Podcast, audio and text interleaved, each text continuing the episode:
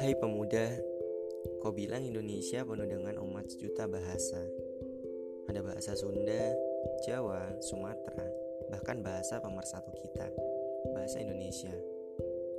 Tentu bahasa yang beragam ini tidak menciutkan nyali untuk selalu membakar api semangat, ya kan? Kita hidup tak hanya sekedar hidup, menghirup di kaliku pengkhianatan, sudah biasa kita alami. Bahkan dikhianati oleh ekspektasi kehidupan pun sering kita alami. Alih-alih tambah semangat, malah tambah males. Begitulah kata si pemalas. Yang jadi pertanyaan, maukah kita jadi si pemalas?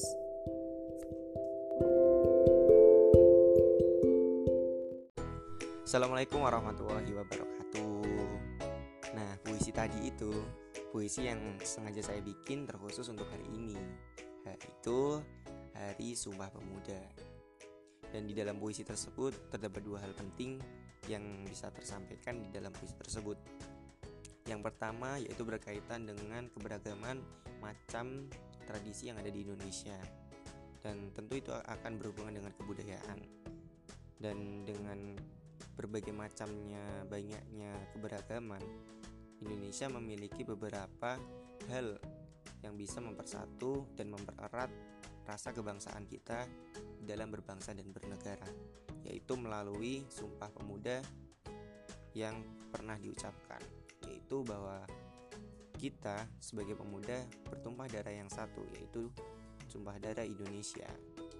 Kita berbangsa satu, yaitu bangsa Indonesia, dan kita berbahasa satu, yaitu bahasa Indonesia.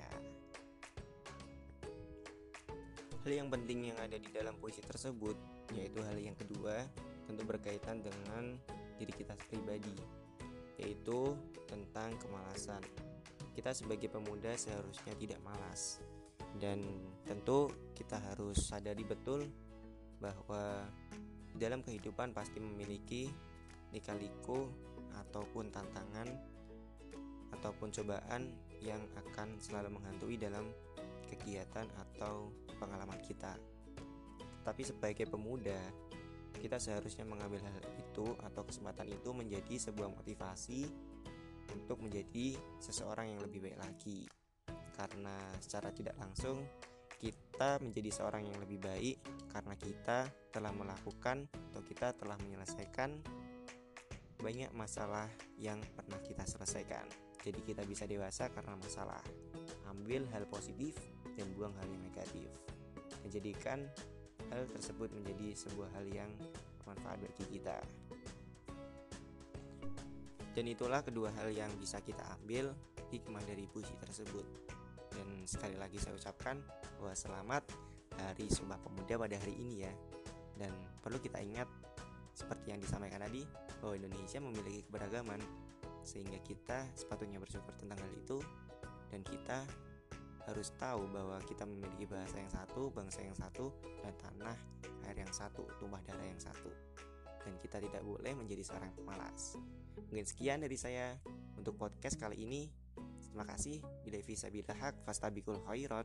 Wassalamualaikum warahmatullahi wabarakatuh.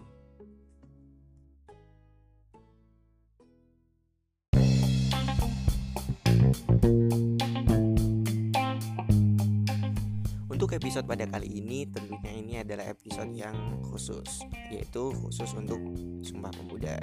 Dan untuk podcast selanjutnya kami tetap akan mengupload pada hari Ahad pagi Di podcast Yuk Dakwah.